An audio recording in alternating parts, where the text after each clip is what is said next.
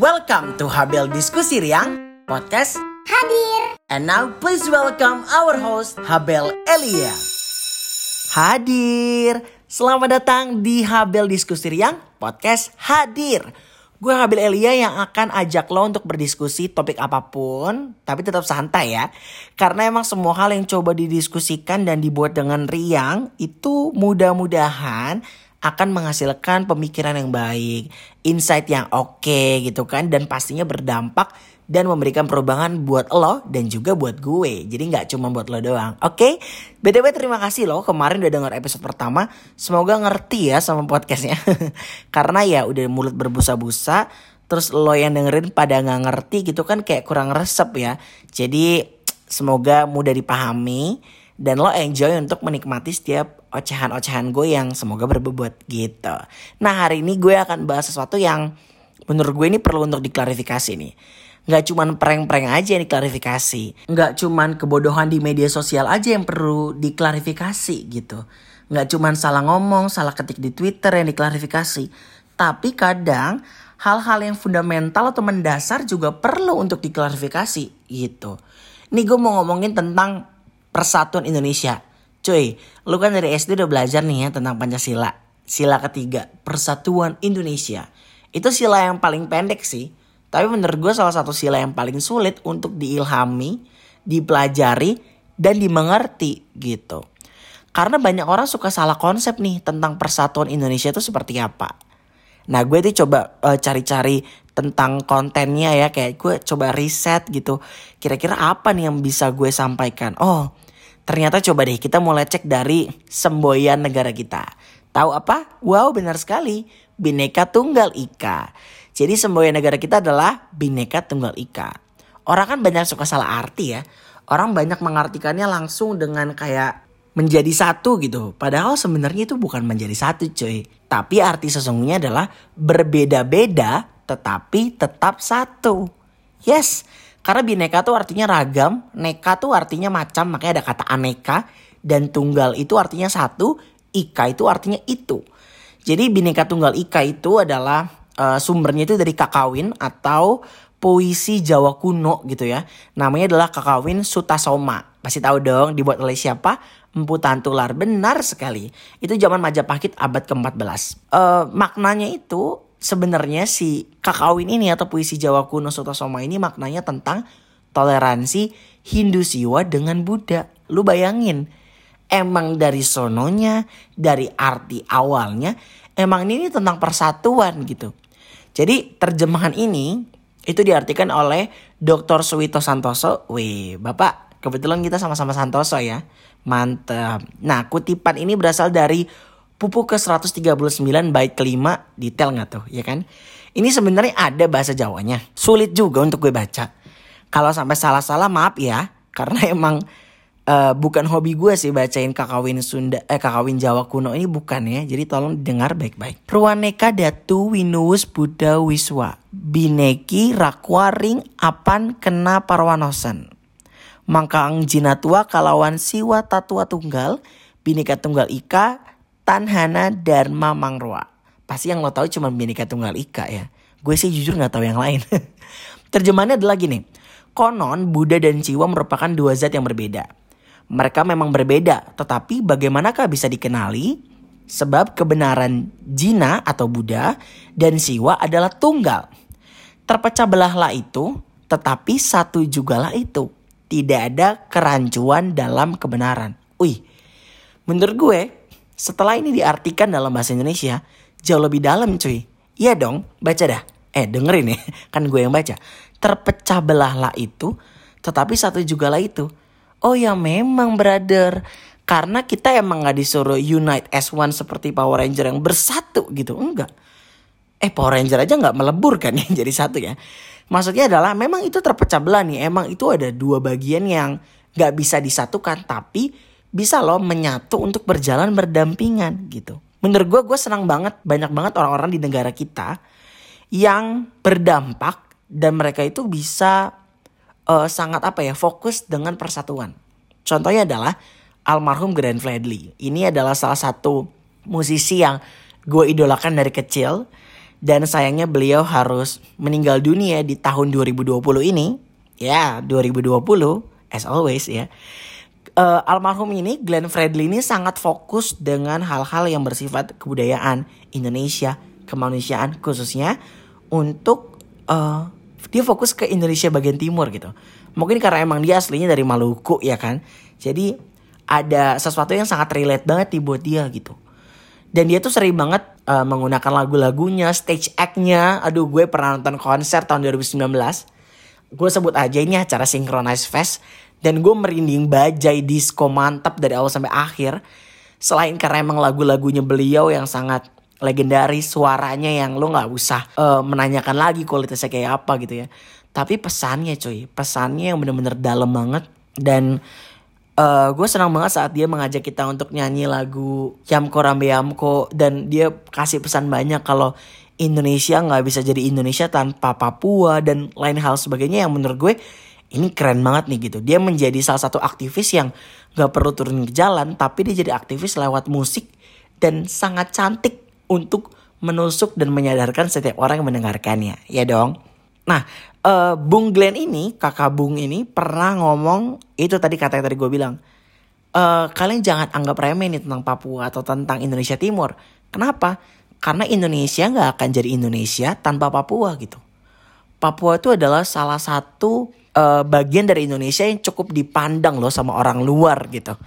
Dan ini yang kadang kita suka salah nih menurut gue. Papua ini sangat terkenal ya mungkin lebih terkenal dari tempat sekarang gue ada. Mungkin lebih terkenal dari tempat di mana lo yang lagi mendengarkan ada gitu. Tapi ya itu, kita ini suka salah. Makanya menurut gue, kita ini jangan sampai salah gitu. Jangan sampai ternyata apa yang sebenarnya besar, justru kita anggap kecil. Ini nggak berlaku cuman untuk nasionalisme ini ya, tapi bisa juga untuk hal-hal apa yang kita lihat dalam kehidupan sehari-hari. Mungkin sesuatu yang sangat sulit, tapi kita terlalu anggap remeh gitu. Kita ngegampangin aja. Sama aja. Jangan sampai Papua yang sebenarnya besar, kita anggap sebelah mata. Nggak cuma Papua deh. Suku apa pun, ras apa pun, agama apa pun, warna kulit, bentuk tubuh dan segala macam. Apa yang mungkin sebenarnya besar di mata orang, berharga di mata orang, tapi justru kita anggap itu sesuatu yang kecil gitu. Dan menurut gue itu nggak terjadi bukan karena apa-apa gitu. Bukan karena kayak, oh karena memang uh, dari sananya kan mereka emang kaum marginal, orang yang terpinggirkan. Eh, sorry, mohon maaf nih Pak, punten ya, gue cuma mau bilang aja. Kalau menurut gue, hal itu menyepelekan sesuatu yang besar itu murni berasal dari kita yang gak mau buka mata, gak mau mencoba untuk membuka telinga dan mendengarkan. Khususnya kita gak mau buka pikiran dan gak mau buka hati. Jadi kita tuh gak open minded Eits, jangan salah arti. Open minded itu bukan berarti kayak aku buka semua pikiranku. Kamu baca pikiranku. Kamu bukan Mama Loren sayang gitu.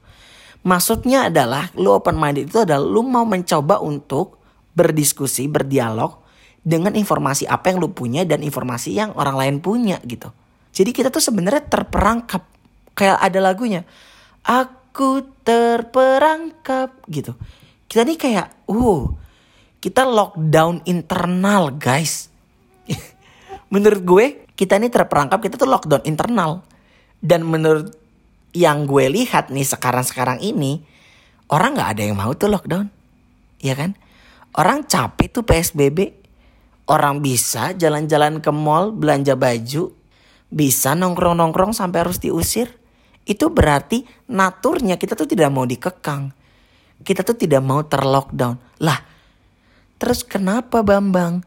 Kok kamu masih melockdown pikiran kamu sendiri? Kok kamu masih mengunci hatimu rapat-rapat untuk sesuatu yang sebenarnya baik untuk kemajuan lo ke depan? Jadi jangan sampai lockdown itu kamu buat. Kamu yang menciptakan lockdown itu. Karena tanggung jawab dari masa depan kita nih, masa depan lo, masa depan gue, itu betul kita juga yang menentukan. Tapi gak sepenuhnya itu kita yang menentukan. Kita juga akan menerima efek dari orang lain. Iya dong, contoh ya. Lu bilang kan kayak aduh masa depan alam bakal rusak nih. Gue padahal udah pakai sedotan stainless. Bahkan gue gak pakai sedotan, gue kokop setiap gue minum. Iya, baik. Tapi kan yang menghuni dunia ini gak cuman kamu. Ini bukan loker penitipan barang yang pakai nomor terus kamu bisa diganti gitu. Ini milik bersama, ya kan? Bukan TV loh ya milik bersama. Tapi itu loh mas gue channel TV yang milik kita bersama. Bukan. Bukan cuman itu maksudnya. So, kalau memang hidup lo ditentukan juga sama orang lain, it means hidup orang lain juga ditentukan sama diri lo sendiri. Jadi lo nggak bisa nih secara egois merasa bahwa masa depan lo lo yang menentukan aja. No no no. Nehi nehi. Kita nggak bisa egois karena masa depan lo, masa depan anak-anak lo, masa depan tetangga lo, dan masa depan semua orang yang ada di sekitar lo itu adalah salah satunya berefek atau uh, bisa kena dampaknya dari apa yang lo lakukan sekarang. Jadi jangan sampai lo merusak sesuatu hanya karena kamu mau sekarang tapi kamu menyesal kemudian. Jadi saran gue adalah belajarlah untuk menjadi orang yang sangat radikal. Oh, mungkin ini terdengar sangat sensitif untuk beberapa orang. Karena radikal tuh kayaknya konotasinya negatif ya, gitu.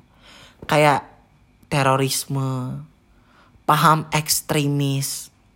Ini juga nih, ini perlu diralat Jangan sampai lu gede disuruh sama kantor bikin spanduk. Tar lu salah arti tuh tentang radikal. Mari kita jauhi radikalisme. Eh, kamu salah. Kalau kamu jauhi radikalisme, itu harusnya kamu menjauhi dirimu sendiri. Karena pada dasarnya semua orang itu radikal loh. Uh, iya betul.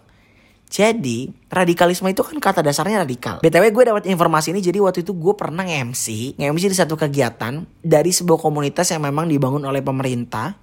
Dan diinisiasi juga gue lupa nama komunitasnya apa. Tapi mereka itu punya tagline gitu namanya adalah nakal. Nasionalis radikal. Uh, gue takut salah sih menyebut katanya. Tapi kira-kira seperti itulah. Dan menurut gue ini satu hal yang unik setelah gue mewawancarai si narasumber itu gue baru tahu kalau ternyata radikal itu tidak seburuk itu sayang. Balik lagi ya, radikalisme kata dasarnya radikal. Radikal itu setelah gue cari-cari ternyata tuh dari kata bahasa latin katanya adalah radix atau radici. Yang artinya adalah akar atau dasar. Karena lo tahu isme itu artinya paham. Jadi radikalisme itu adalah paham untuk kembali ke akar atau ke dasarnya. Jadi ini menurut gue satu hal yang menarik ya. Kenapa banyak orang yang bilang, wih dia radikalisme banget ya teroris gitu. Karena dia sedang mencoba untuk kembali ke akar pemahaman dia tentang kebenaran versi dia seperti apa. Jadi ini menarik banget saat gue tadi bilang lo harus jadi orang yang sangat radikal gitu. Maksudnya bukan lo harus jadi teroris. Tapi lo harus kembali ke akar atau ke dasar. Semua tahu akar ya. Ini dalam belajaran biologi. Nah ini nih.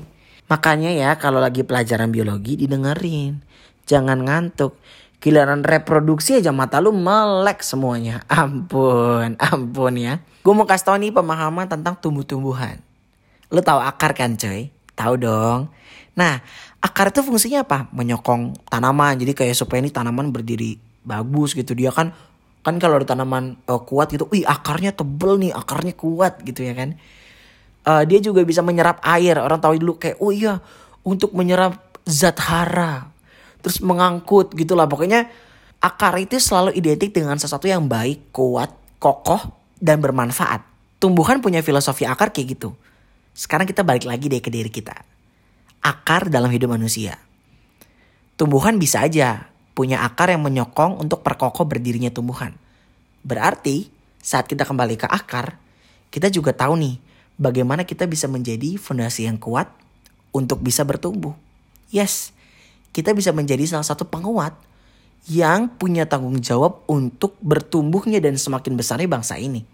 Saat lo tadi radikal dalam hal nasionalisme, itu berarti lo kembali ke akar yang kuat dan kokoh.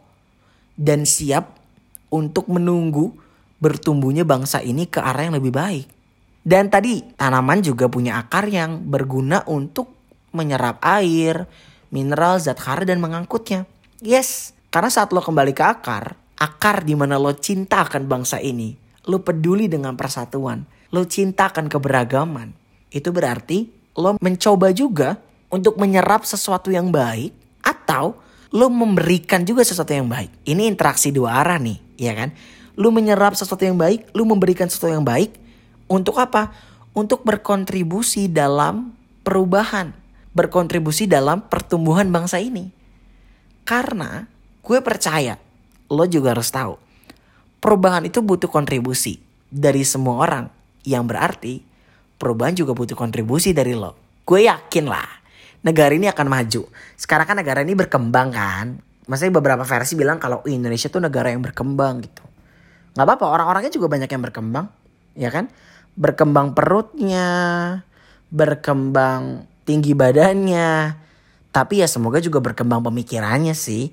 Gak cuma di situ-situ aja ya kan. Bangsa ini pasti akan lebih gemilang dari apa yang kita lihat sekarang. Gue yakin sekarang Indonesia tuh udah keren banget cuy. Dan satu saat Indonesia akan jauh lebih keren dari sekarang. Dan gue percaya itu gak akan lama lagi. Indonesia itu harusnya bisa jadi contoh keberagaman. Iya gak? Karena kita tuh cukup tua. Lu kebayang gak sih? Dari zamannya apa tadi tuh? Kerajaan aja. Dari zaman dulu bahela gitu kan. Majapahit abad ke-14 ini negara, ini bangsa udah terkenal sama persatuannya. Jadi menurut gue kita tuh sudah cukup tua dan seharusnya kita sudah bisa jadi contoh nih cuy gitu. Udah bisa jadi contoh kira-kira negara yang menghargai keragaman itu seperti apa sih? Tapi walaupun kita cukup tua, pertanyaannya, apakah kita cukup dewasa untuk menjadi contoh? That's the point. Ya dong, karena kan lu tahu kan quotes-quotes basi yang lu search di Google gitu kan, yang biasa kalau quotes bijak 2020 menjadi tua itu pasti, menjadi dewasa itu pilihan. Ntar 2021 lu cari keluar juga itu terus. Gue gak ngerti kenapa setiap tahun selalu itu quotes-quotes bijaknya ya. Apa mungkin orang-orang udah gak semakin bijak sebenarnya? Ups. Oke kita lanjut. Karena kita sudah cukup tua, kita dituntut juga dong untuk menjadi dewasa dalam hal keberagaman itu. Karena menurut gue Indonesia dan orang-orang di dalamnya itu harus dewasa dalam memelihara keberagaman. Satu negara ini gak akan pernah bisa maju kalau kita gak memberikan kontribusi yang lebih. Iya dong. Lu aja kerja kelompok, suka bekerja sama, gak mungkin dong temen lu yang bekerja dan lu cuma bersama, cuman sama-sama melihat doang ya kan Kecuali lu memang tipe kelompok yang anggota kelompok yang kalau presentasi lu berdiri di belakang layar LCD, lu ngumpet atau lu bagian IT yang next-nextin presentasi gitu. Gue pastikan nilai lu gak sebesar yang ngomong baca di awal, jawab pertanyaan, yang kritis. Enggak. Mungkin gak sebesar itu. Kenapa? Karena kontribusi lo akan dihitung bagaimana lo turut untuk ambil peran dalam memberikan apa ya insight-insight tentang how ya bagaimana ya untuk menjadikan negara ini lebih maju salah satunya dengan menghargai keberagaman itu. Sekali lagi, Indonesia dan orang di dalamnya harus dewasa dalam memelihara keberagaman. Menurut gue ini penting dan jangan sampai tidak. Karena kasihan gak sih kalau nanti di masa yang akan datang ya, lo menjadi salah satu bagian dari hancurnya keberagaman sejarah kita dan penyebabnya adalah kamu, say. Halo.